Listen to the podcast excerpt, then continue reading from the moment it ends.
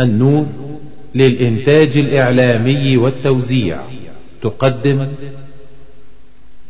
أعوذ بالله السميع العليم من الشيطان الرجيم. بسم الله الرحمن الرحيم. إن الحمد لله نحمده ونستعينه ونستغفره ونستهديه ونعوذ بالله من شرور أنفسنا ومن سيئات أعمالنا. إنه من يهده الله فلا مضل له ومن يضلل فلا هادي له. وأشهد أن لا إله إلا الله وحده لا شريك له. وأشهد أن محمدا عبده ورسوله. أما بعد فمع الدرس الخامس من دروس السيرة النبوية العهد المدني فترة الفتح والتمكين. في هذا الدرس نتحدث عن وضع المسلمين بعد الصلح الحديبية. على الرغم يا إخواني وأخواتي من القوة المتنامية للدولة الإسلامية والتي ظهرت بجلاء بعد غزوة الأحزاب إلا أن الاستقرار الحقيقي للدولة الإسلامية لم يأتي إلا بعد الصلح الحديبية. وكما ذكرنا قبل ذلك اعتراف قريش أكبر قبائل العرب وزعيمة الجزيرة سياسيا ودينيا واقتصاديا وتاريخيا. كل هذا أعطى المسلمين شهادة ميلاد حقيقية وأعلن للجميع سواء من العرب أو من العجم أن هناك دولة جديدة ولدت في المدينة المنورة. وهذه هي الدولة الإسلامية وزعيمها هو الرسول الكريم صلى الله عليه وسلم. يا ترى إيه أول شيء؟ الرسول صلى الله عليه وسلم فكر فيه بعد ما رجع للمدينة المنورة بعد صلح الحديبيه هي حاجة غريبة جدا جدا. أول شيء فكر فيه الرسول صلى الله عليه وسلم هو إعلام العالم أجمع بهذا الدين الجديد الإسلام. ليثبت لنا وللجميع أن هذا الدين دين عالمي نزل لخير الأرض بكاملها. ربنا سبحانه وتعالى بيقول في الكتاب وما أرسلناك إلا رحمة للعالمين. الرسول نفسه صلى الله عليه وسلم يقول كما جاء في حديث البخاري عن جابر بن عبد الله رضي الله عنهما أعطيت خمسا لم يعطهن نبي قبلي. ذكر منها وكان النبي يبعث إلى قومه خاصة وبعثت إلى الناس عامة. وإحنا لازم نفهم الموضوع ده كويس قوي ونفهم إن علينا دور توصيل الإسلام لكل بقعة في العالم. أي بقعة فيها حياة. وليس هذا تفضلا منا بل واجب علينا. الرسول صلى الله عليه وسلم كان من أول أيام الدعوة يدرك عالمية الدعوة يدرك أهمية وصول هذه الدعوة إلى كل بقاع الأرض. وكان صلى الله عليه وسلم يبشر المسلمين في مكة قبل سنوات من الهجرة يبشرهم أن لهم دورا تجاه العالم. وكان يقول لهم قولوا لا إله إلا الله تفلحوا قولوا لا إله إلا الله تملك العرب والعجم. قضية كانت في ذهني واضحة جدا يا إخواني. لكنه لم يشرع فيها بخطة وبنظام إلا بعد الصلح الحديبية. والحقيقة ممكن واحد يقول شيء لافت للنظر إن الرسول صلى الله عليه وسلم لم يرسل رسائل إلى عموم ملوك وأمراء الأرض من أول أيام الدعوة أو من أول أيام المدينة المنورة. ليه ما بعتش هذه الرسائل من بدري؟ حتى إنه أحيانا كان هناك بعض التعاملات مع بعض الممالك والدول الأخرى. ومع ذلك في هذه التعاملات لم يخطط رسول الله صلى الله عليه وسلم إلى دعوتهم في ذلك الوقت. يا ترى ليه؟ تفسير كده يا إخواني كلمة واحدة هي الواقعية. يعلمنا رسول الله صلى الله عليه وسلم واقعية المنهج. إرسال رسالة تدعو فيها الناس إلى تبديل دينهم والدخول في دين جديد لم يسمع به أحد. ولو أن أحدهم سمع به فماذا سيسمع؟ سيسمع عن التشريد والإضطهاد والتعذيب لأبناء هذا الدين الجديد. إرسال مثل هذه الرسالة قد لا يقدم ولا يؤخر كثيرا. من هذا الذي يقدم على مثل هذه الخطوة الجبارة ويبدل عقيدته لأجل مجموعة من الضعفاء في قرية صغيرة لا ترى من قرى العالم. لدرجة أننا شفنا الصحابة رضي الله عنهم وأرضاهم لما راحوا هجرة الحبشة لم يكن من مهمتهم دعوة النجاشي رحمه الله إلى الإسلام. بل إنهم لم يعرفوا النجاشي أصلا بدينهم. ولولا الموقف الذي قام به عمرو بن العاص رضي الله عنه ومحاولة عمرو بن العاص إثارة النجاشي على المسلمين ما شرح جعفر بن أبي طالب رضي الله عنه للنجاشي الإسلام. وحتى بعد هذا الشر جعفر بن أبي طالب لم يدعو النجاشي إلى الدخول في هذا الدين الجديد مع أنه كان حاسس وواضح جدا لكل الناس أن هناك ميلا في كلام النجاشي للإسلام ومع ذلك لم يدعه إلى الإسلام. يا ترى ليه؟ لنفس الكلمة اللي قلناها. الرسول صلى الله عليه وسلم والصحابة كانوا واقعيين لأبعد درجة. لا يصح ولا يجدي لقائد جماعة صغيرة ضعيفة أن تراسل كبار زعماء العالم لتدعوهم لتغيير معتقداتهم وتبديل أديانهم وإظهار التبعية لفكر جديد أو فلسفة جديدة أو قانون جديد. بل لعلنا لا نكون مبالغين إذا قلنا أن هذه الدعوة قد يكون لها من الآثار السلبية أكثر من الآثار الإيجابية. ليه الكلام ده؟ أولا الدليل الشرعي على هذا أن الرسول صلى الله عليه وسلم ما عملوش. لو كان أفضل لكان فعله صلى الله عليه وسلم. وما كان يعجزه صلى الله عليه وسلم أن يرسل رسولا إلى كل دولة من دول العالم من أول أيام الإسلام. لكن لأن ما فيش فايدة من الكلام ده. والدليل العقلي على ذلك أنه قد يلفت الأنظار بدعوته هذه إلى جماعته الصغيرة الناشئة فتستأصل في مهدها. أما افتراض أن ممكن ربنا سبحانه وتعالى يفتح قلوبهم وقلوبهم تتغير ويضحوا بملكهم وسلطانهم لأجل هذا الرجل البسيط الذي ظهر في قرية صغيرة في صحراء الجزيرة هذا افتراض بعيد جدا جدا لا يرقى أبدا إلى درجة الواقعية. كل الكلام ده كان قبل الصلح الحديبية. لكن بعد الصلح الحديبية الوضع اتغير جدا جدا. الجميع في العالم كان بيسمع عن قريش. قريش القبيلة العربية الكبيرة العزيزة. نعم لم تكن قريش في قوة فارس والروم وما كانتش تحلم بالكلام ده لكنها كانت معروفة ومعروفة لكل الناس حتى خارج الجزيرة العربية. بل إنه كانت لها علاقات اقتصادية وسياسية مع معظم القوى الموجودة في العالم آنذاك. عشان كده اعتراف قريش بالدولة الإسلامية كدولة لها سيادة يعتبر أهم نقطة لإعطاء شرعية لهذه الدولة الجديدة الدولة الإسلامية. كل دول العالم لن تتعامل مع هذا الكيان الجديد الدولة الإسلامية إلا بعد اعتراف قريش بها. لأنه قبل كده سيعتبر المسلمون عبارة عن جماعة غير شرعية خرجت عن منهج الدولة الأم قريش. وبالتالي لا يمكن التعاون معها إلا من قبل المعادين لقريش. وما كانش في حد بيعادي قريش لا في الجزيرة ولا في العالم في ذلك الوقت. عشان كده الرسول عليه وسلم في الأول شغل نفسه بدعوة من حوله من العرب في الجزيرة في فترات الدعوة الأولى لأنه يعلم عدم جدوى مراسلة الآخرين قبل اعتراف قريش. أما الآن وبعد الاعتراف الواضح من قريش بالدولة الإسلامية زعماء العالم سيتقبلون فكرة المراسلة بينهم وبين زعيم الدولة الجديدة الرسول صلى الله عليه وسلم. وسيسقط حاجز الشكليات والرسميات والبروتوكولات لتبقى مناقشة الرسالة مضمون الرسالة. يا ترى هذا الدين الجديد دين يستحق الاتباع أم أن صاحبه يكذب علينا؟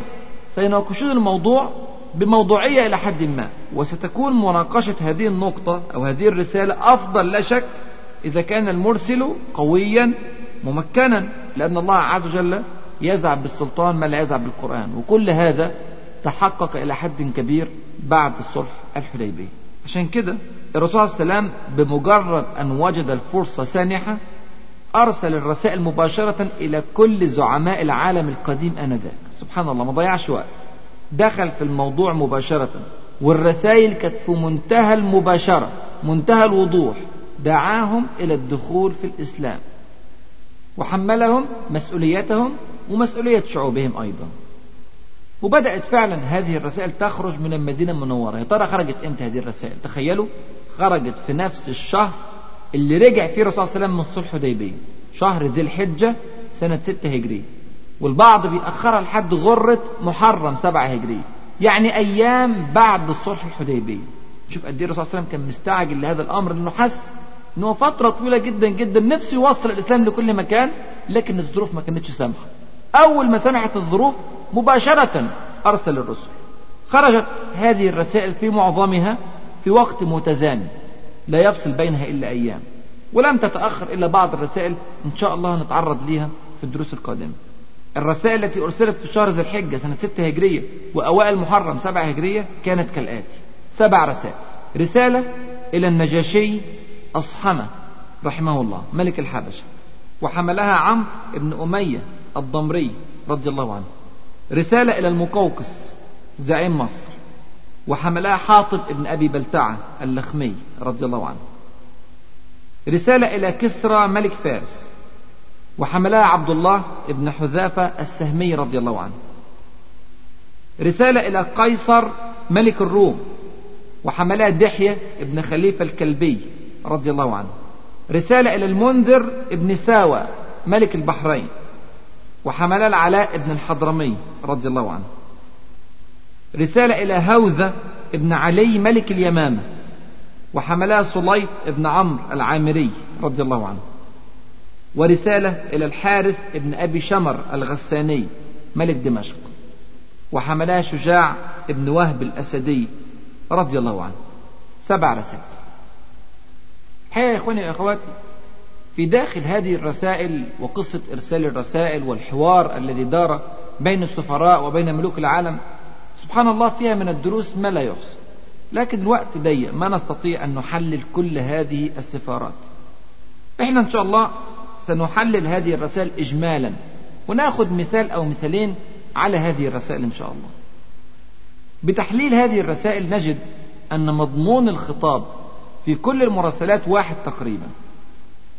الرسائل ليست دعوة إلى إقامة علاقات دبلوماسية أو إلى تبادل السفراء أو إلى مجرد التعارف ولا حتى إلى طلب استمداد شرعية ما باعتراف الدول الأخرى به. إنما الهدف واضح تمام الوضوح. الهدف الدعوة الصريحة للإسلام. الدعوة لترك أي دين أي دين أيا كان والدخول في الدين الجديد الإسلام. وطبعا يا إخواني وأخواتي واضح جدا هذه دعوة خطيرة. لأن اتباع الدين الجديد يقضي الاتباع لرسول الله صلى الله عليه وسلم. والكلام ده مش سهل. هنا سينقلب الملك من ملك مطاع لا ترد له كلمة إلى تابع مطيع يرد الأمر كله لله عز وجل ولرسوله الكريم صلى الله عليه وسلم. لا شك إن اللي هيقبل الدعوة ديت أكيد أكيد هيكون مؤمن. ولا شك كذلك أن الذي يرفض هذه الدعوة قد يغضب ويثور ويعترض وقد يرسل الجيوش ويهدد بالقتل كل ده متوقع. وكل ده مع أنه صعب إلا أنه لا يمنع من تبليغ دعوة رب العالمين إلى العالمين. وهذه الخطابات يا إخواني يا أخواتي تثبت بما لا يدع مجالا للشك.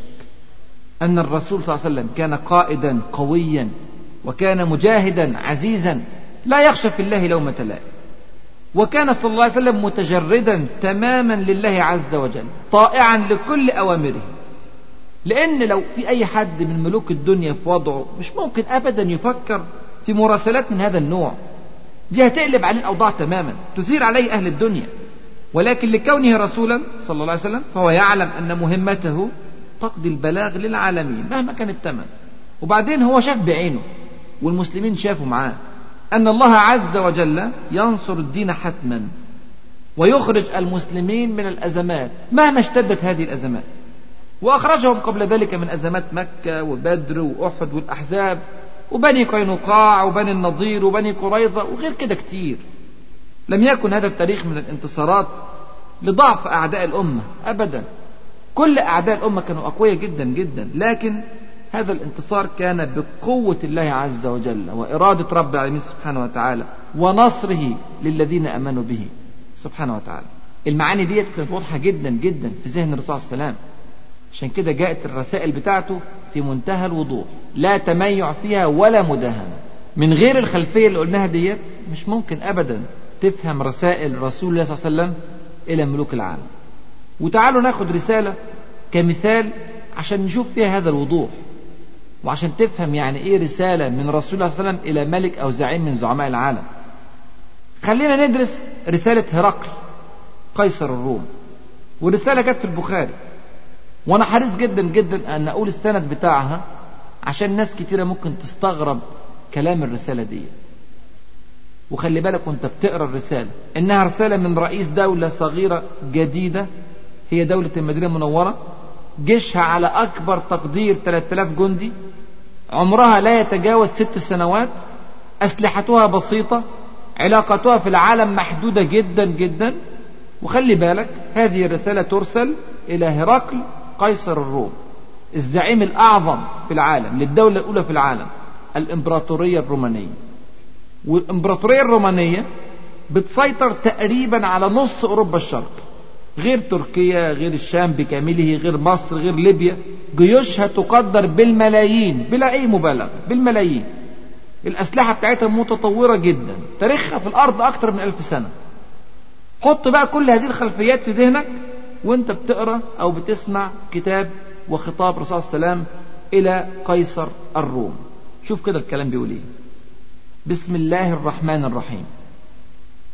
من محمد عبد الله ورسوله إلى هرقل عظيم الروم. سلام على من اتبع الهدى. أسلم تسلم. هكذا في منتهى الوضوح. أسلم تسلم. أسلم يؤتك الله أجرك مرتين. فإن توليت فإن عليك إثم الأريسيين. الأريسيين يعني الفلاحين الشعب يعني. ثم كتب آية من آيات رب العالمين سبحانه وتعالى. قال قل يا أهل الكتاب تعالوا إلى كلمة سواء بيننا وبينكم. ألا نعبد إلا الله ولا نشرك به شيئا. ولا يتخذ بعضنا بعضا أربابا من دون الله. فإن تولوا فقولوا اشهدوا بأننا مسلمون. الله أكبر. الوضوح والقوة والعزة والحكمة في كل كلمة من كلمات الخطاب. الخطاب الحقيقة محتاج محاضرات. عشان نحلله وندرسه ونستخرج الدروس التي هي في باطنه. لكن إحنا هنا هنشير إلى بعض الدروس الهامة. إشارة سريعة.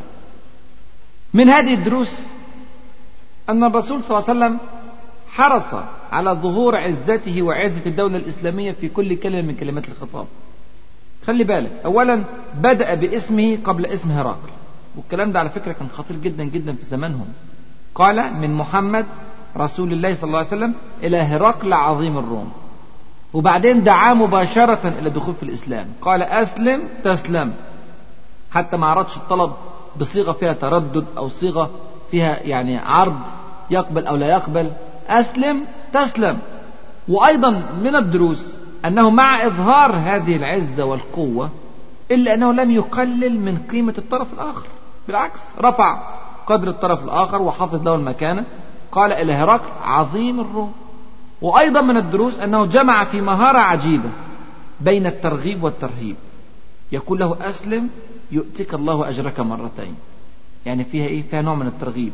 ثم يقول له وهو يهدد بوضوح فإن توليت فإن عليك اسم الأريسيين. يعني في ناحية يرغب وناحية تانية يرهب. والكلام كله عبارة عن عدة أسطر قليلة جدا جدا يا إخوان.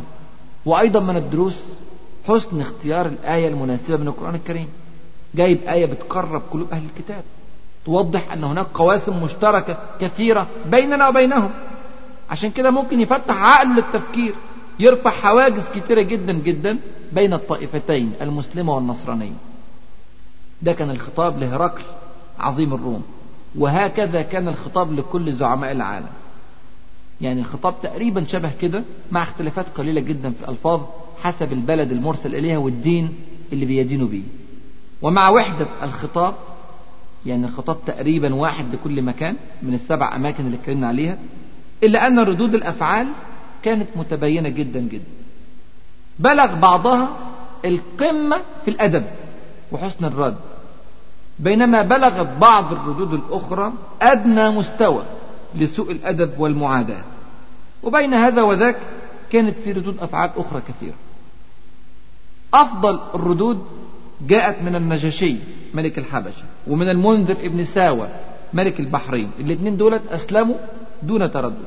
واحد أسلم وأخفى إسلامه النجاشي ملك الحبشة وضع الدولة النصراني كان صعب جدا جدا أنه يعلن إسلامه. لو أسلم كان الشعب سيقتلع اقتلاعا من كرسيه. وحصل قبل كده لما ساند المسلمين أن الشعب عمل عليه ثورة. وكاد أن يقتلع النجاشي من كرسيه. عشان كده أخفى إسلامه وآثر أن يساعد الدولة الإسلامية الناشئة الجديدة هناك في المدينة المنورة وهو يعلن النصرانية في الظاهر ويبطن الإسلام. لكن المنذر ابن ساوى رحمه الله أعلن إسلامه وأسلم شعبه وكانوا يدينون بعبادة الأصنام. لكن يبدو أن المنذر بن ساوى رحمه الله كان قويا ممكنا في قبيلته وكان محبوبا. بين شعبه وكان الناس تبعا لقائدهم كعادة العرب في ذلك الوقت. فزعيم القبيلة أخذ قرار الإسلام فأسلمت قبيلته وأسلم شعبه. ده غير الوضع طبعا في بلاد الحبشة بلد نظامي كبير له تاريخ طويل. كان من الصعب على النجاشي أن يغير أفكار الناس كلها في لحظة واحدة. يبقى ده كان الوضع بالنسبة لملك الحبشة وبالنسبة لملك البحرين ودي أفضل ردود. يجي بعدهم رد المقوقس ملك مصر. المقوقس أحسن استقبال الوفد الإسلامي وأكرم الوفد الإسلامي بالهدايا إلا أنه لم يسلم. والحقيقة يا إخواني أن أتعجب جدا جدا من عدم إسلامه. المقوقس ذكر في رده لحاطب ابن أبي بلتعة اللي هو كان رسول رسول الله صلى الله عليه وسلم ذكر في رده له أنه كان يعلم أن نبيا سيظهر في هذا الزمان ولكنه كان يحسب أن هذا النبي سيظهر في الشام.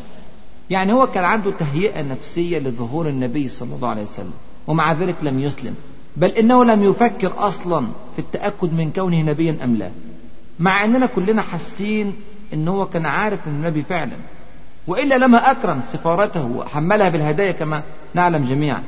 لأنه مش ممكن يفعل أبدا هذا الأمر مع كذاب يدعي النبوة. وبالذات أن الرسول صلى الله عليه وسلم في ذلك الوقت لم تكن له قوة كبيرة أو بأس ولم يكن يحكم دولة ضخمة يخشاها المقوقس فيحتاج إلى مهادنته بالعكس ده قوة مصر المادية كانت أضعاف أضعاف أضعاف قوة المدينة المنورة في ذلك الوقت. لكن على كل حال إكرام المقوقس لوفد رسول الله صلى الله عليه وسلم ساب أثر إيجابي للدولة الإسلامية في كل مكان. أكد على شرعيتها في النظام الدولي الجديد. والله يهدي من يشاء إلى صراط مستقيم. يبقى ده كان رد المقوقس. رد بأدب وحمل الهدايا. لكن لم يسلم. نيجي للرد اللي بعد كده وهو رد هرقل زعيم دولة الرومان. الدولة الرومانية يا إخواني كما ذكرنا تسيطر تقريبا على نصف مساحة العالم في ذلك الوقت. الحقيقة موقف هرقل من الرسالة يحتاج إلى وقف يحتاج إلى تحليل. هو يفسر لنا الكثير من أحداث التاريخ سواء في أيام الرسول صلى الله عليه وسلم أو في الأيام التي تلت الرسول صلى الله عليه وسلم. وحتى بيفسر لنا أحداث كثيرة جدا جدا من الواقع اللي بنعيشه. لأن أنتوا عارفين التاريخ يتكرر. عندما استلم هرقل رسالة الرسول صلى الله عليه وسلم أخذ الموضوع يا إخواني ويا أخواتي بمنتهى الجدية. تخيلوا مع إنه زعيم أكبر دولة في العالم وبيستلم رسالة من زعيم دولة محدش سمع بها لسه. وهذه الدولة خرجت هذه الدولة الجديدة خرجت في بلاد العرب والرومان بصفة عامة. كانوا ينظرون إلى بلاد العرب نظرة دونية يرونهم دائما أقل من أن يهتموا بشأنهم. عمرهم ما درسوا أحوالهم أو عاشوا في ظروفهم.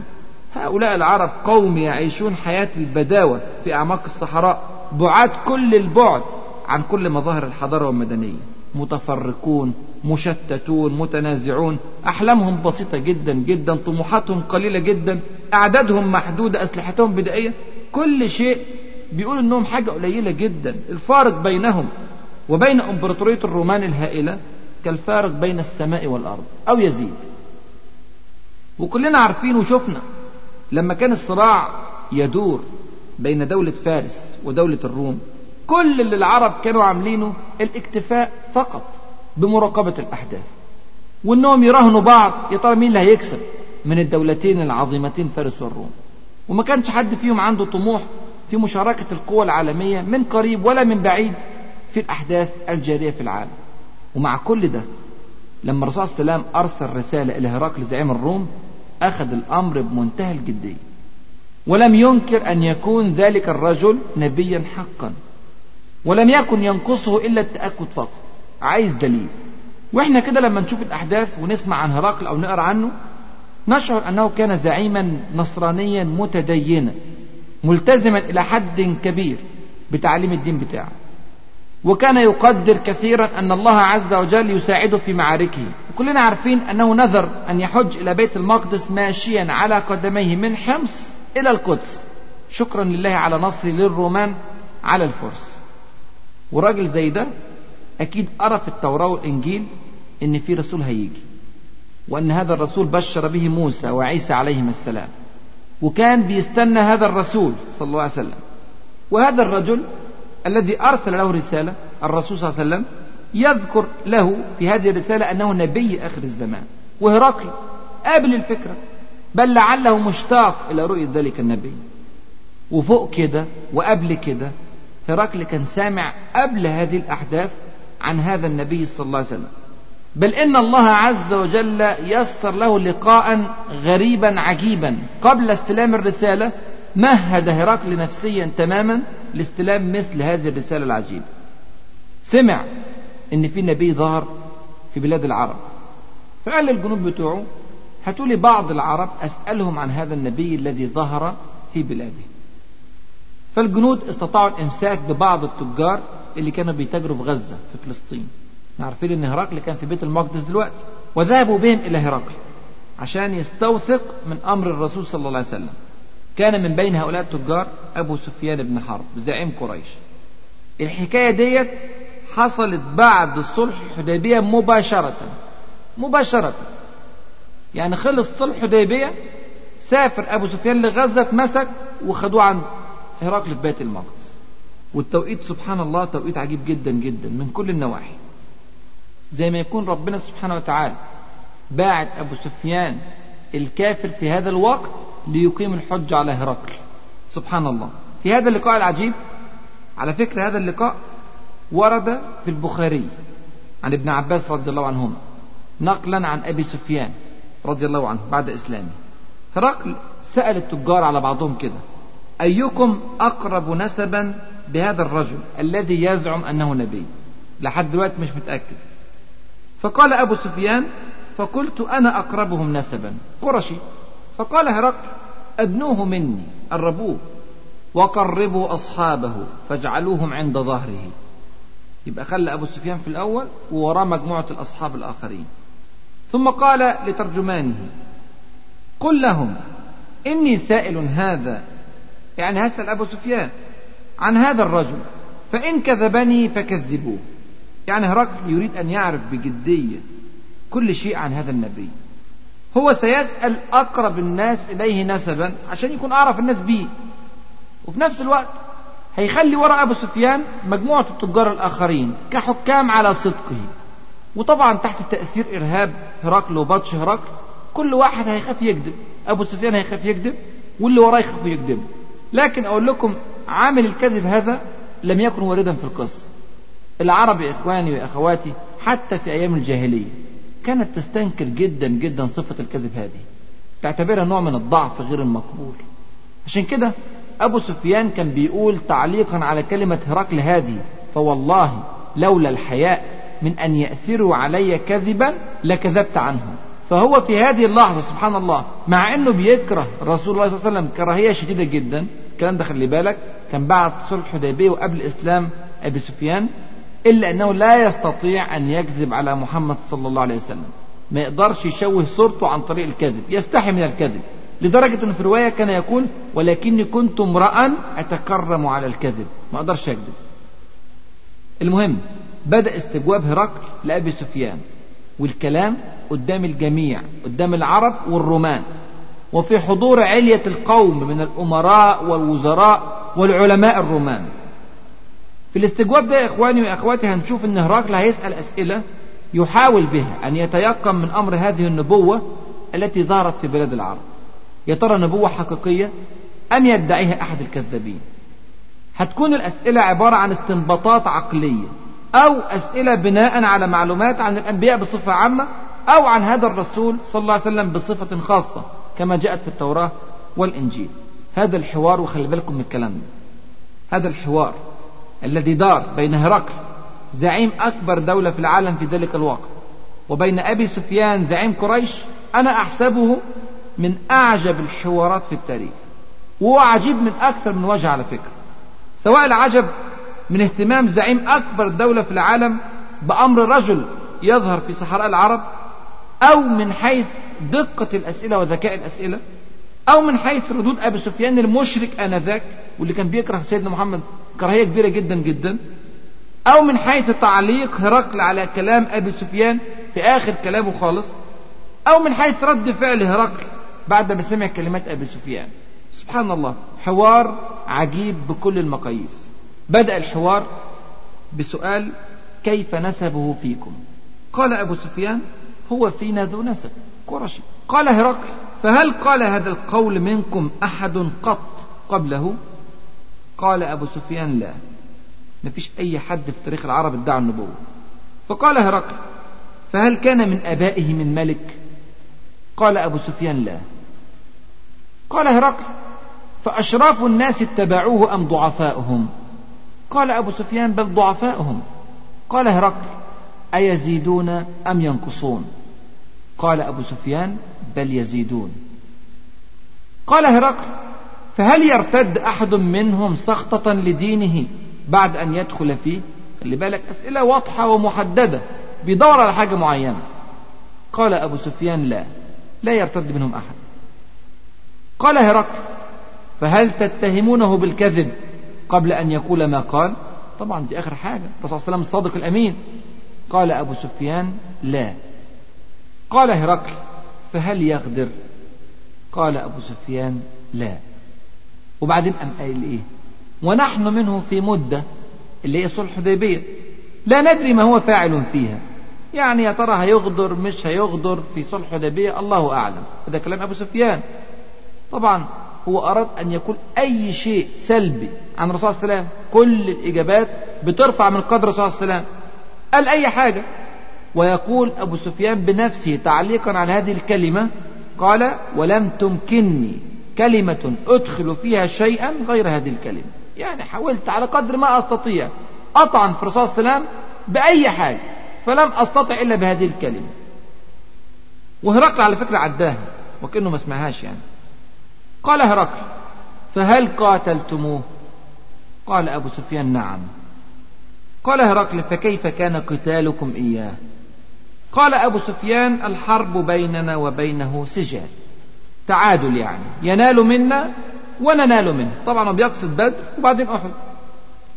قال هرقل ماذا يأمركم؟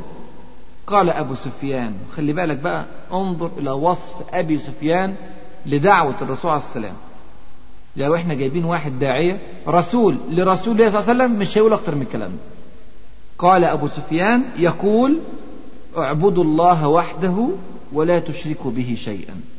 واتركوا ما يقول آباؤكم ويأمرنا بالصلاة والصدق والعفاف والصلة سبحان الله. وانتهى الاستجواب الطويل من هرقل. وبدأ هرقل يحلل كل كلمة سمعها. وكل معلومة حصل عليها. عشان يطلع بعد كده باستنتاج. شوية وهرقل قام قايل بقى إيه خلاصة الاستنتاج بتاعه. وطبعا اللي نقل الكلام ده ترجمان هرقل. قال هرقل سألتك عن نسبه فذكرت أنه فيكم ذو نسب وكذلك الرسل تبعث في نسب من قومها. هيبتدي هرقل ياخد كل كلمة وكل نقطة يثبت بها لأبي سفيان وللجميع ولنفسه قبلهم أن هذا رسول. سبحان الله. ثم قال وسألتك هل قال أحد منكم هذا القول قبله؟ فذكرت أن لا. قلت والكلام لهرقل قلت لو كان أحد قال هذا القول قبله لقلت رجل يأتسي بقول قيل قبله وسألتك هل كان من آبائه من ملك؟ فذكرت أن لا. فقلت فلو كان من آبائه من ملك قلت رجل يطلب ملك أبيه. وسألتك هل كنتم تتهمونه بالكذب قبل أن يقول ما قال؟ فذكرت أن لا. فقد أعرف أنه لم يكن ليذر الكذب على الناس ويكذب على الله. وسألتك أشراف الناس اتبعوه أم ضعفاؤهم؟ فذكرت أن ضعفاءهم اتبعوه وهم أتباع الرسول وسألتك أيزيدون أم ينقصون؟ فذكرت أنهم يزيدون وكذلك أمر الإيمان حتى يتم. وسألتك أيرتد أحد سخطة لدينه بعد أن يدخل فيه؟ فذكرت أن لا. وكذلك الإيمان حين تخالط بشاشته القلوب. وسألتك هل يغدر؟ فذكرت أن لا. وكذلك الرسل لا تغدر. وسألتك بماذا يأمر؟ فذكرت أنه يأمركم أن تعبدوا الله ولا تشركوا به شيئا. وينهاكم عن عبادة الأوثان. ويأمركم بالصلاة والصدق والعفاف.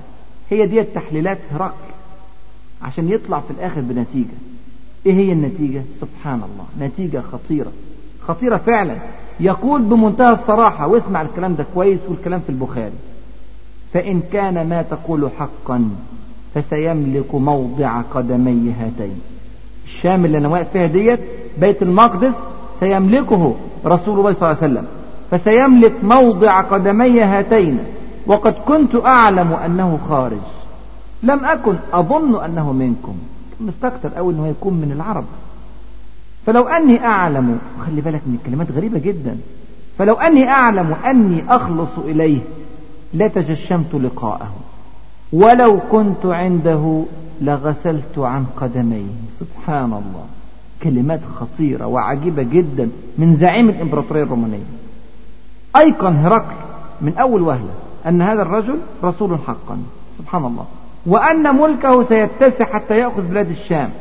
وأنه وجب الاتباع له والانصياع الكامل لأمره. بل والرضوخ لقوله تماما والتواضع الشديد لدرجة أن هرقل يتمنى أن لو غسل قدمي رسول الله صلى الله عليه وسلم. تخيل. في هذا المجلس بعد ما خلص هذا الحوار دعا هرقل بكتاب الرسول صلى الله عليه وسلم. الرسالة اللي كانت جاية مع دحية ابن خليفة الكلبي رضي الله عنه. وقرأ هذا الكتاب في وجود أبي سفيان. وإحنا الحقيقة مش عارفين هل يا ترى دي أول مرة هرقل يقرأ الكتاب ولا كان قرأ قبل كده وأعاد القراءة مرة ثانية. المهم إن هو قرأ الكتاب مرة ثانية كتاب الرسول صلى الله عليه وسلم قدام أبي سفيان وقدام كل العرب وقدام كل الرومان اللي موجودين. وبدأ يقرأ الكلمات العجيبة اللي قلناها قبل كده من الرسول صلى الله عليه وسلم إليهم دعوة صريحة إلى دخول الإسلام. أول ما خلص الكتاب سبحان الله سمع بقى أصوات عالية جدا كثر اللغط وارتفعت الأصوات في كل مكان وضجت القاعة بالإعتراض على كل كلمة من كلمات هذا الكتاب النبوي. طبعا الزعماء الموجودين زعماء النصارى وأمراء الجيوش وعلماء الدين كل دولة رفضوا تماما هذه الدعوة الكريمة من رسول الله صلى الله عليه وسلم.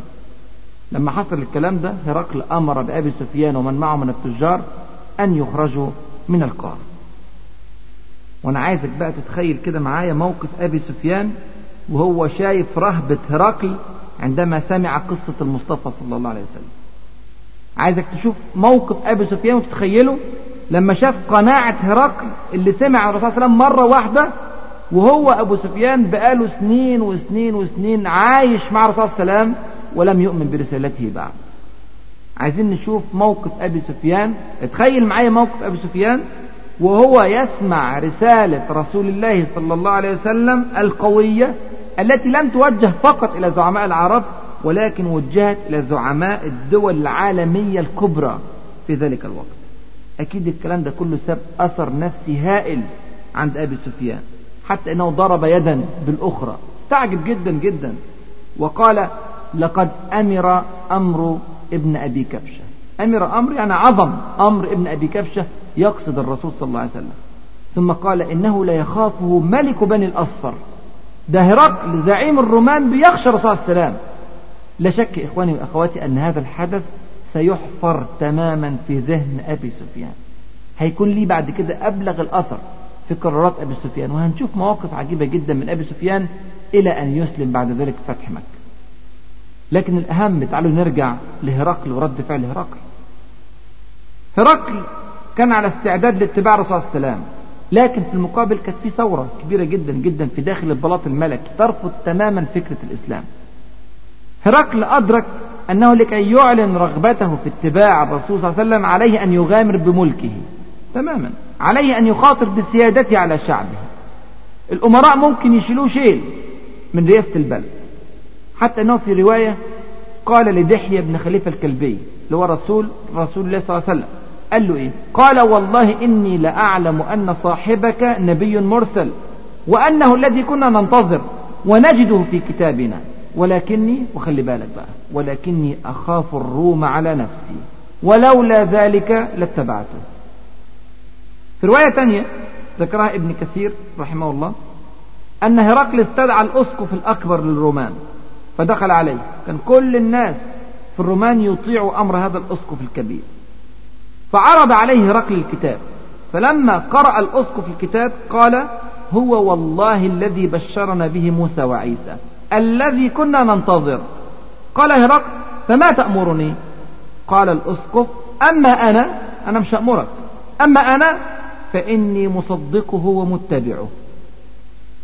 الأسقف الأكبر آمن. سبحان الله. فقال قيصر أعرف أنه كذلك ولكني لا أستطيع أن أفعل. يعني أنا عارف أنه نبي بس ما أقدرش ما أقدرش أتبعه. وإن فعلت ذهب ملكي وقتلني الروم. في رواية أخرى أن هذا الأسقف كان اسمه صغاطر وأن هذا الأسقف صغاطر خرج للرومان. ودعا الناس دعا جميع الرومان إلى الإيمان بالله عز وجل وإلى الإيمان برسوله الكريم صلى الله عليه وسلم. وأعلن الشهادة أمام الجميع أشهد أنه لا إله إلا الله وأن محمد رسول الله. الناس عملت إيه؟ الناس كلها قامت ليه؟ في قفزة واحدة فضربوه حتى قتلوه. الأسقف ده كان أعظم شخصية في الدولة الرومانية حتى أعلى من هرقل عند الناس. وهرقل عرف بقتل هذا الرجل الأسقف الكبير ولم يستطع أن يفعل أي شيء مع من قتله. دلالة على ضعفه الشديد أمام الكرسي الذي يجلس عليه. الصورة دلوقتي واضحة تماما. هرقل عقد مقارنة سريعة جدا جدا بين الملك والإيمان وبين الحياة ممكنا وبين الموت شهيدا. فخد القرار بمنتهى البساطة. اختار الملك والحياة ورفض الإيمان والشهادة. لم يكن ذلك لعدم تيقنه من أمر الرسول صلى الله عليه وسلم. إحنا شفنا. لكنه ظن بملكه ضحى بالإيمان رمى الإيمان وخد الملك بتاعه. أمر الإيمان يا إخواني ويا أخواتي أمر واضح جدا جدا. إعجاز القرآن ظاهر. طريق الإسلام مستقيم. الدلائل على صدق هذا الدين بينة وقاهرة وظاهرة للجميع. والإنسان هو اللي بيختار. على قدر قيمة الشيء في نفس الإنسان بيضحي. والناس كلها بتضحي. ومحدش بيقدر يجمع كل حاجة. واحد ممكن يضحي بالإيمان عشان ياخد الملك. وواحد ممكن يضحي بالملك عشان ياخد الإيمان. على قدر قيمة الشيء في النفس الإنسان بيختار وبيضحي. لكن كل الكلام ده بيثبت لنا قول الله عز وجل وجحدوا بها واستيقنتها أنفسهم ظلما وعلوا. ويقول الله عز وجل قل يا أيها الناس قد جاءكم الحق من ربكم فمن اهتدى فإنما يهتدي لنفسه ومن ضل فإنما يضل عليها وما أنا عليكم بوكيل. طبعا هرقل لا يمكن أبدا أن يعذر في عدم إسلامه مهما كانت الفتنة بتاعته مهما كان راغبا في الملك راهبا من الموت. الإيمان يا إخواني وأخواتي لا يوزن أبدا أبدا إلى جواره شيء. الإمام النووي رحمه الله يعلق على موقف هرقل يقول ولا عذر له في هذا لا عذر له في ترك الإيمان مهما كان هيضيع منه أو هيتقتل حتى لأنه قد عرف صدق النبي صلى الله عليه وسلم. وإنما شح بالملك وطلب الرئاسة الحافظ ابن حجر العسقلاني رحمه الله يقول أيضا تعليقا على هذا الحديث ولو تفطن هرقل لقوله صلى الله عليه وسلم في الكتاب أسلم تسلم وحمل الجزاء على عمومه في الدنيا والآخرة وأسلم لسلم له كل الدنيا وكل الآخرة. لسلم من كل ما يخافه. ولكن التوفيق بيد الله عز وجل. هرقل بعد كل هذا اليقين اكتفى بأنه شيل دحية الكلبي بعض الهدايا حمله بعض الهدايا لرسول الله صلى الله عليه وسلم ولم يفكر في قضية الإيمان مع أنه كان عارف أن في يوم من الأيام سيؤول كل الملك الذي يحكمه هو إلى رسول الله صلى الله عليه وسلم.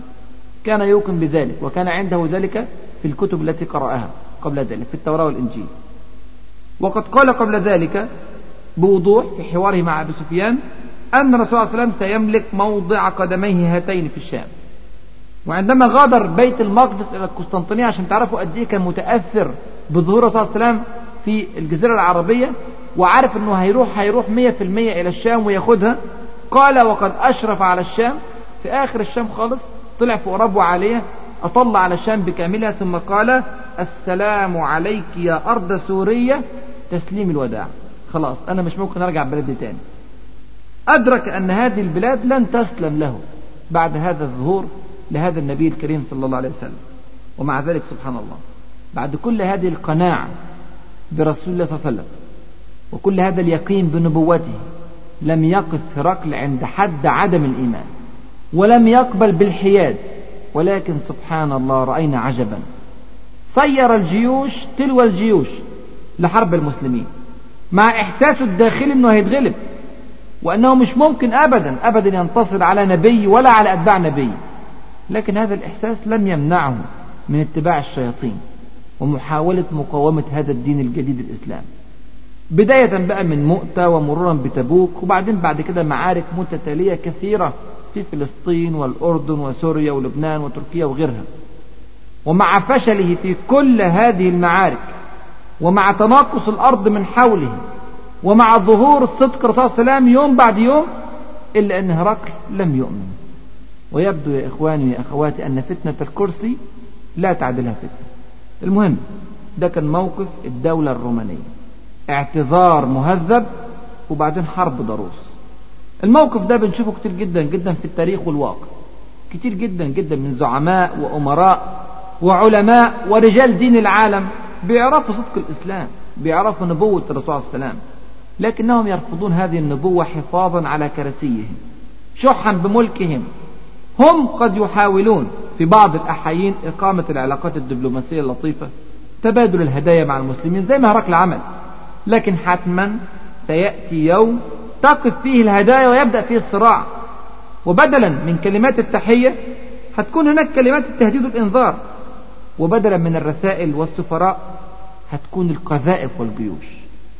يقول الله عز وجل في كتابه الكريم ولا يزالون يقاتلونكم حتى يردوكم عن دينكم إن استطاعوا. وإذا كنا وقفنا الوقفة ديت مع رد فعل هرقل والإمبراطورية الرومانية يبقى لازم نقف وقفة مماثلة مع رد فعل كسرى والإمبراطورية الفارسية الدولة الثانية اللي بتقسم العالم مع الدولة الرومانية.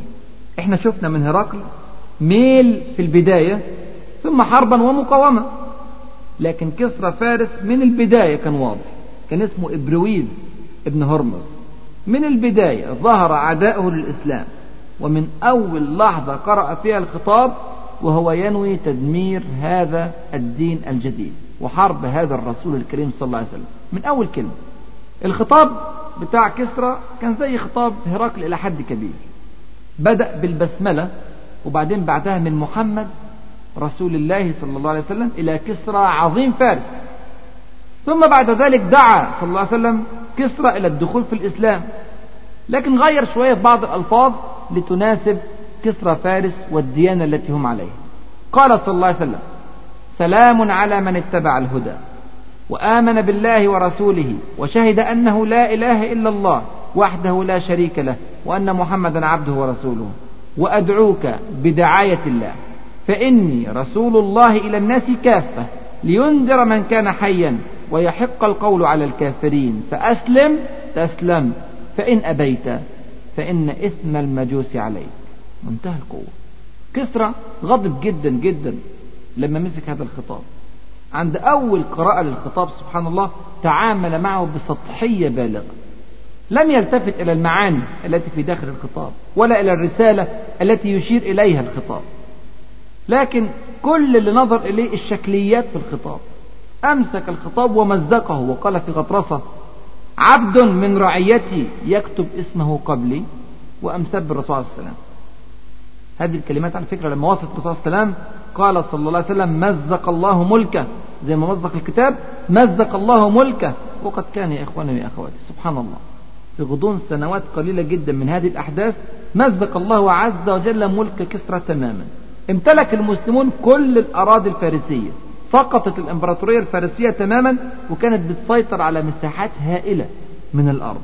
هذه يا إخواني هي النبوة في مواجهة الغطرسة المجوسية الكافرة. لكن كسرى فارس إبرويز ما اكتفاش بهذه الكلمات وبتقطيع الخطاب. لا ده عمل أكتر من كده. حاول أن يعتقل رسول الله صلى الله عليه وسلم عشان يعاقبه بنفسه. أرسل رسالة إلى عامله الفارسي على بلاد اليمن. اليمن كانت مستعمرة فارسية. وطبعا اليمن نسبيا قريبة من المدينة المنورة. فأرسل رسالة إلى عامل اليمن كان اسمه باذان كان فارسي. وطلب منه أنه يبعث رجلين من رجاله ليأتي برسول الله صلى الله عليه وسلم إلى المدائن. عاصمة فارس. وخلي بالك يبعث اثنين فقط من الرجال ليأتي بزعيم المدينة المنورة. شوفوا قد إيه نظرة كسرى فارس للعرب. بعت اثنين من الرجال مش بعت جيش بعت اثنين من الرجال يأتي برسول الله صلى الله عليه وسلم إلى المدائن إلى عاصمة الدولة الفارسية. وقال لهم يوصلوا رسالة مهمة جدا إنه إن رفض فسيقتل وسيهلك كسرى قومه ويخرب بلاده. طبعا راح الرسولين فعلا إلى الرسول صلى الله عليه وسلم وقالوا له الكلام ده. والرسول صلى الله عليه وسلم طلب منهما في أدب أن ينتظر إلى اليوم التالي وهيرد عليهم. وقعدوا في المدينة الليلة دي وفي هذه الليلة سبحان الله التي جاء فيها رسول كسرى أتى الوحي إلى رسول الله صلى الله عليه وسلم وأخبره بنبأ عجيب توقيت في منتهى العجب سبحان الله. أخبره أن هذا الزعيم الفارسي المتغطرس إبرويز قتل في نفس الليل. ومين اللي قتله؟ قتلوا ابنه شرويه شرويه ابن إبرويز وكان الكلام ده في ليلة الثلاث العاشر من جماد الآخرة سنة سبعة من الهجرة. لما جه اليوم الثاني الرسول صلى الله عليه وسلم أرسل إلى الرسولين وقعد معاهم وقال لهم إن ربي سبحانه وتعالى قتل ربكم الليل. اللي هو الزعيم بتاعهم كسرى فارس. فسبحان الله فزع الرسولان وقال هل تدري ما تقول؟ إزاي الليلة المدائن على بعد مئات الكيلومترات من المدينة المنورة. هل تدري ما تقول؟ إنا قد نقمنا عليك. ما هو أيسر من ذلك؟ إحنا كنا زعلانين منك إنك بتدعي أشياء أقل من هذا الأمر. أتدعي ذلك؟ أنكتب عنك بهذا ونخبر الملك باذان؟ اللي هو ملك فارس في اليمن؟ فقال صلى الله عليه وسلم في منتهى الثقة نعم أخبراه ذاك عني. مش بس كده يا إخواني يا أخواتي سبحان الله. قال لهما في يقين وقول له أيضا. هيقولوا له إيه بقى؟ اسمع. وقول له أيضا إن ديني وسلطاني سيبلغ ما بلغ كسرى وينتهي إلى الخف والحافر. وقول له إن أسلمت يخاطب باذان إن أسلمت أعطيتك ما تحت يديك وملكتك على قومك. يا الله. والرسول صلى الله عليه وسلم عاملهم معاملة الملك الكريم. إداهم هدايا حملهم بالهدايا ورجعهم لباذان مرة ثانية ووصل الرسولان إلى باذان ملك اليمن الفارسي. وقالوا له الكلام اللي الرسول صلى الله عليه وسلم قاله. سبحان الله واضح إن باذان هذا كان رجلا عاقلا. سمع الكلمات فقال والله ما هذا بكلام ملك. مش ممكن ده مش كلام ملك. وإني لأرى الرجل نبيا كما يقول ولا يكونن ما قال. اللي قاله ده وتنبئ بها يحصل. فلئن كان هذا حقا فهو نبي مرسل. إزاي هيعرف؟ إن في حاجة حصلت في المدائن وهي على بعد مئات الكيلومترات في ذلك الزمن. وإن لم يكن لو ما حصلش الكلام اللي بيقوله فسنرى فيه رأينا والأيام عدت وجاء خطاب من شروي اللي هو الزعيم الجديد في بلاد فارس شروي ابن إبرويز. جاء خطاب إلى باذان عامل اليمن يقول له فيه أنه قد قتل أباه إبرويز. عشان إبرويز قتل الكثير من أشراف فارس. وكاد أن يودي بفارس إلى الهلك لما وصل هذا الخطاب إلى باذان باذان حدد الليلة التي قتل فيها إبرويز فوجد أنها نفس الليلة التي حددها الرسول صلى الله عليه وسلم. سبحان الله. فأيقن أن هذا رسول من عند الله عز وجل. وأن الذي أخبره بذلك وحي من عند الله عز وجل. المسافات بين المدينة والمدائن هائلة. مستحيل على أهل هذا الزمن بأي صورة من الصور إنهم يعرفوا الأحداث اللي بتحصل في كل بلد. لا يتم هذا إلا بمعجزة خارقة. هنا باذان عرف إن هذا رسول وخد القرار اللي فيه آلاف وآلاف قبل كده ما قدروش ياخدوه قرار الإسلام. وسبحان الله الذي يهدي من يشاء إلى صراط مستقيم. أسلم باذان وحسن إسلامه وأسلم أبناؤه وأسلم كل الفرس تقريبا في اليمن وأسلم الرسولان. اللذان بعثهما باذان إلى رسول الله صلى الله عليه وسلم ثم أسلم بعد ذلك كثير من أهل اليمن. سبحان الله. سبحان الله فعلا. هذه الأحداث تحقق لنا قول الله عز وجل وما رميت إذ رميت ولكن الله رمى. الرسول صلى الله عليه وسلم أرسل رسالة إلى كسرى فارس. يبغي إسلام شعب فارس. اللي عايش في مملكة فارس. الشمال الشرقي من المدينة المنورة على بعد مئات الكيلومترات يريد الله عز وجل أن يسلم بهذه الرسالة شعب اليمن في الجنوب بعيد خالص خالص عن منطقة فارس. سبحان الله. لكن ده بيلفت نظرنا لحاجة مهمة جدا جدا. جهد الداعية يا إخواني وأخواتي ما بيضيعش. يبقى جهد الداعية وينتشر. لكن ليس بالضرورة أن ينتشر في الاتجاه الذي أراده الداعية. الله عز وجل يسير الكون سبحان الله بنظام بديع. تنسيق محكم حكمة بالغة. القلوب سبحان الله بين أصابع الرحمن يصرفها كيف يشاء. أنت عليك الدعوة وربنا سبحانه وتعالى يفتح القلوب. وبالفعل الرسول صلى الله عليه وسلم كان عنده وعده ودى ولاية اليمن إلى باذان رضي الله عنه. وكان إسلام اليمن إضافة كبيرة جدا جدا لقوة المسلمين. لكن كسرى فارس الجديد شروي ابن برويز مع إنه توقف عن طلب رسول الله صلى الله عليه وسلم وتوقف عن التفكير في عقاب الرسول صلى الله عليه وسلم كما كان يريد أبوه إلا أنه لم يفكر في الإسلام أصلا. وبذلك تجمدت تقريبا العلاقات بين الدولة الإسلامية والدولة الفارسية إلى أن تحركت بعد ذلك بسنوات في عهد الصديق رضي الله عنه عندما بدأت الفتوح الإسلامية. يبقى ده كان موقف الدولة الفارسية. هوذا ابن علي صاحب اليمامة لم يرغب في الإسلام كدين. لما جات له الرسالة ما فكرش يسلم عشان هو أعجب بالإسلام. لكن في نفس الوقت شعر بقوة الرسول صلى الله عليه وسلم. تنبأ لدولة الرسول صلى الله عليه وسلم بمستقبل كبير. عشان كده قرر إن هو يفاوض الرسول صلى الله عليه وسلم وأرسل لي رسالة. قال له إيه؟ قال ما أحسن ما تدعو إليه وأجمله. والعرب تهاب مكاني فاجعل لي بعض الأمر أتبعك. مسومة الرسول صلى الله عليه وسلم في الرسالة بتاعته إلى هوذا ابن علي في الأول وعده أن يعطيه ما تحت يديه من اليمامة إن أسلم.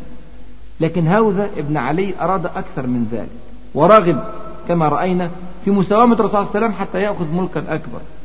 وعلق إسلامه على هذا الشرط. والرسول يا إخواني ويا أخواتي كان دايما دايما يرفض إن حد يطلب الإمارة. يرفض أن يدي الإمارة لمن طلبها. كان يقول كما جاء في البخاري ومسلم عن أبي موسى الأشعري رضي الله عنه وأرضاه كان يقول إنا والله لا نولي على هذا العمل أحدا سأله ولا أحدا حرص عليه. الرسول صلى الله عليه وسلم كان بيعمل كده ليه؟ كان ليه بيمنع الإمارة من اللي بيطلبها؟ لأنه عارف يا إخواني ويا أخواتي أن الذي سيتولى الإمارة لن يعود ضرره عليه فقط ولكن سيعود على كل من يقود. اللي بيطلب الإمارة مفتون بيها هيضحي من أجل الإمارة لا من أجل الإسلام. لو تعارض الإسلام مع استمراره في الإمارة هيترك الإسلام ويتمسك بالإمارة. وهنا قد يتبعه قومه. وطبعا تبقى كارثة مشكلة كبيرة. عشان كده الرسول عليه وسلم كان عمره ما يدي الإمارة لحد طلبها. وعشان كده الرسول عليه وسلم علق على موقف هوذا بن علي وقال لو سألني قطعة من الأرض ما فعلت. ثم تنبأ له بالهلكة قال باد وباد ما في يديه. سبحان الله نبوءة الرسول صلى الله عليه وسلم تحققت بعد أقل من سنتين. مات هوذا بن علي وفقد ملكه ولم يسلم قبل موته. فضل لنا من الزعماء الذين أرسل إليهم الرسول صلى الله عليه وسلم الرسائل. الحارث ابن أبي شمر الغساني أمير دمشق.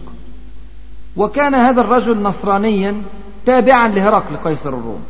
وكان رده تقريبا زي رد كسرى زعيم فارس. ألقى الخطاب وقال من ينزع ملكي مني؟ أنا سائر إليه. وبالفعل بدأ في تجهيز الجيوش عشان يغزو المدينة المنورة. لكن قبل ما يعمل كده حب يستأذن هرقل. فبعت له رسالة. سبحان الله تزامن وصول رسالة الحارث مع وصول رسالة الرسول صلى الله عليه إلى هرقل. فهرقل قال له لا استنى. لا ندري ماذا سيحدث بعد ذلك من الأحداث. فأمره ألا يرسل الجيوش. وبالفعل طبعا انصاع الحارث إلى كلام هرقل ولم يرسل الجيوش. ولما الرسول صلى الله عليه وسلم عرف رد فعل الحارث قال باد ملكه وصدق الرسول صلى الله عليه وسلم ما لبث أن مات. وباد ملكه تماما بل دخل ملكه بعد ذلك في ملك المسلمين. يبقى ديت كانت ردود الأفعال المختلفة لدعوة الرسول صلى الله عليه وسلم للعالمين. وكما رأينا اختلف رد الفعل من إيمان سريع إلى تفكير ثم إسلام إلى حياد مؤدب إلى رفض الإسلام إلى حرب الإسلام. ردود مختلفة. والله يهدي من يشاء إلى الصراط المستقيم. يا إخواني وأخواتي نخلص من كل هذه الرسائل. إلا أنه ليس من واجب الداعية أن يفتح قلوب الناس للإسلام أبدا. لكن واجب الداعية أن يصل إليهم بدعوته بيضاء نقية. وبعدين بعد كده ربنا سبحانه وتعالى يفتح قلوب من يشاء إلى الهدى والإيمان. قال تعالى ما على الرسول إلا البلاغ. والرسول صلى الله عليه وسلم عمل هذا البلاغ على أتم ما يكون. يفضل لينا في موضوع هذه المراسلات العظيمة أن ننظر نظرة تحليلية في السفراء الكرام اللي الرسول صلى الله عليه وسلم اختارهم عشان يبعثهم للزعماء وأمراء العالم. هنلاحظ كم ملاحظة كده جميلة جدا. أولا هؤلاء الرسل جميعا لما تيجي تبص لأسمائهم تجد أنهم من قبائل مختلفة. مفيش حد منهم من نفس القبيلة عمرو بن أمية من بني ضمرة وطبعا ده زي ما أنتم عارفين أرسل إلى النجاشي. العلاء بن الحضرمي من حضرموت اليمن. وأرسل إلى المنذر بن ساوة البحرين عبد الله بن حذافة من بني سهم. وأرسل إلى كسرى فارس. دحية بن خليفة من بني كلب. وأرسل إلى قيصر الروم. حاطب بن أبي بلتعة من بني لخم. وأرسل إلى المقوقس في مصر. صليت بن عمرو من بني عامر. وأرسل إلى هوذة ابن علي باليمامة. شجاع بن وهب من بني أسد وأرسل إلى الحارث بن أبي شمر في دمشق. هذا الاختلاف يا إخواني ويا أخواتي في القبائل لا شك أنه مقصود. هذه إشارة واضحة جدا من الرسول عليه وسلم إلى كل المسلمين سواء في المدينة أو في خارج المدينة وإلى كل العرب المراقبين للأحداث وإلى كل دول العالم التي أرسل إليها السفراء. وإلى كل المحللين والدارسين للسيرة على مدار السنين إلى يومنا هذا وإلى يوم القيامة.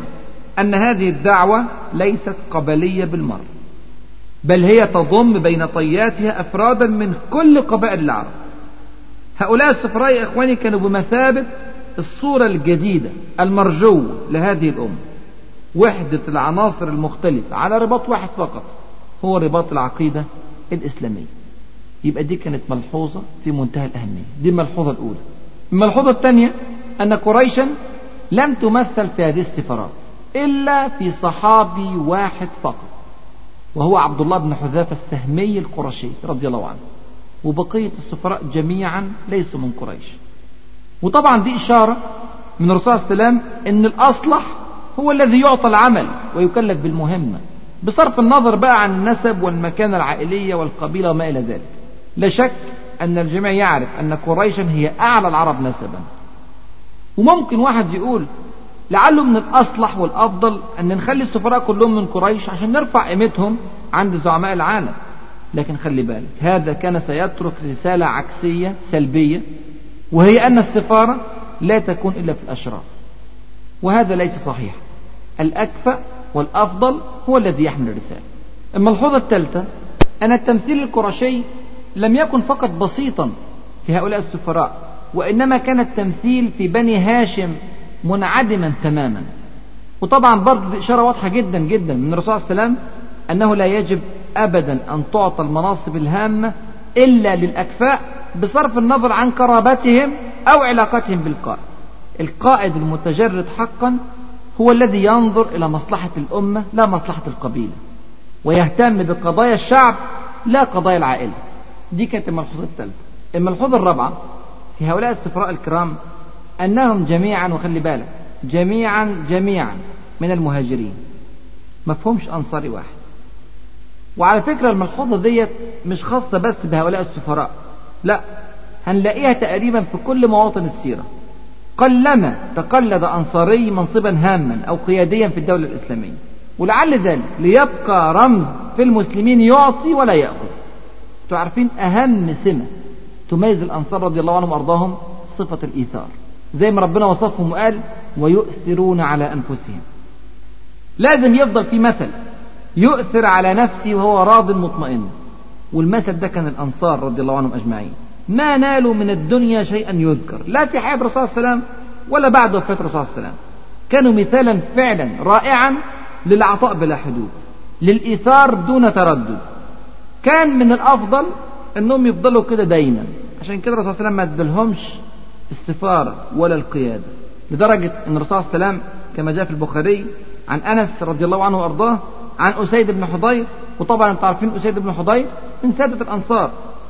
قال أسيد بن حضير أن رجلا من الأنصار جاء إلى الرسول صلى الله عليه وسلم وقال له يا رسول الله ألا تستعملني كما استعملت فلانا؟ يعني فلان وفلان وفلان. أعطوا الأمارة ألا تستعملني؟ فقال صلى الله عليه وسلم ستلقون يخاطب الأنصار عامة ستلقون بعدي أثرة فاصبروا حتى تلقوني على الحوض. صلى الله عليه وسلم. يعني أمر الأنصار ألا يبحثوا أبدا عن الإمارة. يفضل دايما عندنا مثل الإيثار واضح نقي تميز واضح جدا عند الأنصار رضي الله عنه. ومش معنى كده طبعا أن المهاجرين كانوا يتشوفون للإمارة أو يرغبون في السفارة أبدا. لكن على العكس المهاجرون باعوا الدنيا تماما. لا شك أن المحلل لهذه السفارات هيلاقي أن هذه السفارات على شرفها إلا أنها خطيرة جدا جدا. وقد يكون ثمن هذه السفارة حياة السفير. وهنشوف الكلام ده فعلا بعد كده مع الحارث بن عمير رضي الله عنه وأرضاه عندما يقتل على يد شرحبيل بن عمرو الغساني وهيكون الكلام ده سبب في غزوة مؤتة وهنشوف الكلام ده في الدروس اللي جاية. يبقى نخلص من ذلك الأمر أن لا الأنصار يرهبون السفارة ولا المهاجرون يرغبون فيها. لكن كل يؤدي ما يناسبه وكل ميسر لما خلق له. وبعدين في حاجة مهمة جدا الأنصار بيقلوا مع مرور الوقت والناس حواليهم بتكتر مهاجرين وغير مهاجرين. كما قال صلى الله عليه وسلم وبرضه الحديث في البخاري عن ابن عباس رضي الله عنهما أن رسول الله صلى الله عليه وسلم قال إن الناس يكثرون ويقل الأنصار حتى يكونوا في الناس كمنزلة الملح في الطعام. يبقى مش من الحكمة أن يتعود الناس على قيادة الأنصار أو يظن الناس أن قيادة الأنصار لازمة عشان هم أهل المدينة اللي الدولة طبعا أقيمت على أكتافهم ثم بعد ذلك يفتقد الناس الأنصار لقلة الأنصار. لا الأفضل أن يستمر في الإمارة والسفارة المهاجرون الذين تتزايد أعدادهم تدريجيا وليهم مكانة كبيرة جدا في قلوب العرب قاطبة. ودايما الأنصار هيكونوا مساعدين للمهاجرين في حكمهم وقيادتهم. تماما كما قال سعد بن عبادة رضي الله عنه وأرضاه يوم السقيفة بعد وفاة الرسول صلى الله عليه وسلم قال مخاطبا المهاجرين أنتم الأمراء ونحن الوزراء. وإحنا فصلنا الكلام ده كتير. لما كنا بنتكلم على الصديق رضي الله عنه وأرضاه في يوم السقيفة الملحوظة الخامسة بقى على موضوع السفراء والأخيرة في هذه المحاضرة هي أن هؤلاء السفراء جميعا جميعا كانوا يتصفون باللباقة والكياس والذكاء والدهاء وحسن الحوار. وشفنا الكلام ده كله من خلال حوارهم مع زعماء العالم. كانوا جميعا على قدر المسؤولية. فعلا يا إخواني إنها من أجل النعم على الأمة أن يوسد فيها الأمر إلى أهله. دي كانت السفارات العديدة وكانت فعلا نقلة نوعية في خط سير الدولة الإسلامية. انتقلت فيها الأمة الإسلامية من المدينة إلى كل أقطار الأرض ومن المحلية إلى العالمية ومن انتظار الفرصة المناسبة للدعوة إلى المبادرة بإرسال دعوات الإسلام إلى كل بقعة من بقاع العالم. نقلة نوعية بكل المقاييس. ونسأل الله عز وجل أن يعز الإسلام والمسلمين. ونسأله سبحانه وتعالى أن يفقهنا في سننه وأن يعلمنا ما ينفعنا وأن ينفعنا بما علمنا. إنه ولي ذلك والقادر عليه. فستذكرون ما أقول لكم وأفوض أمري إلى الله. إن الله بصير بالعباد وجزاكم الله خيرا كثيرا. السلام عليكم ورحمة الله وبركاته. مع تحيات النور للإنتاج الإعلامي والتوزيع.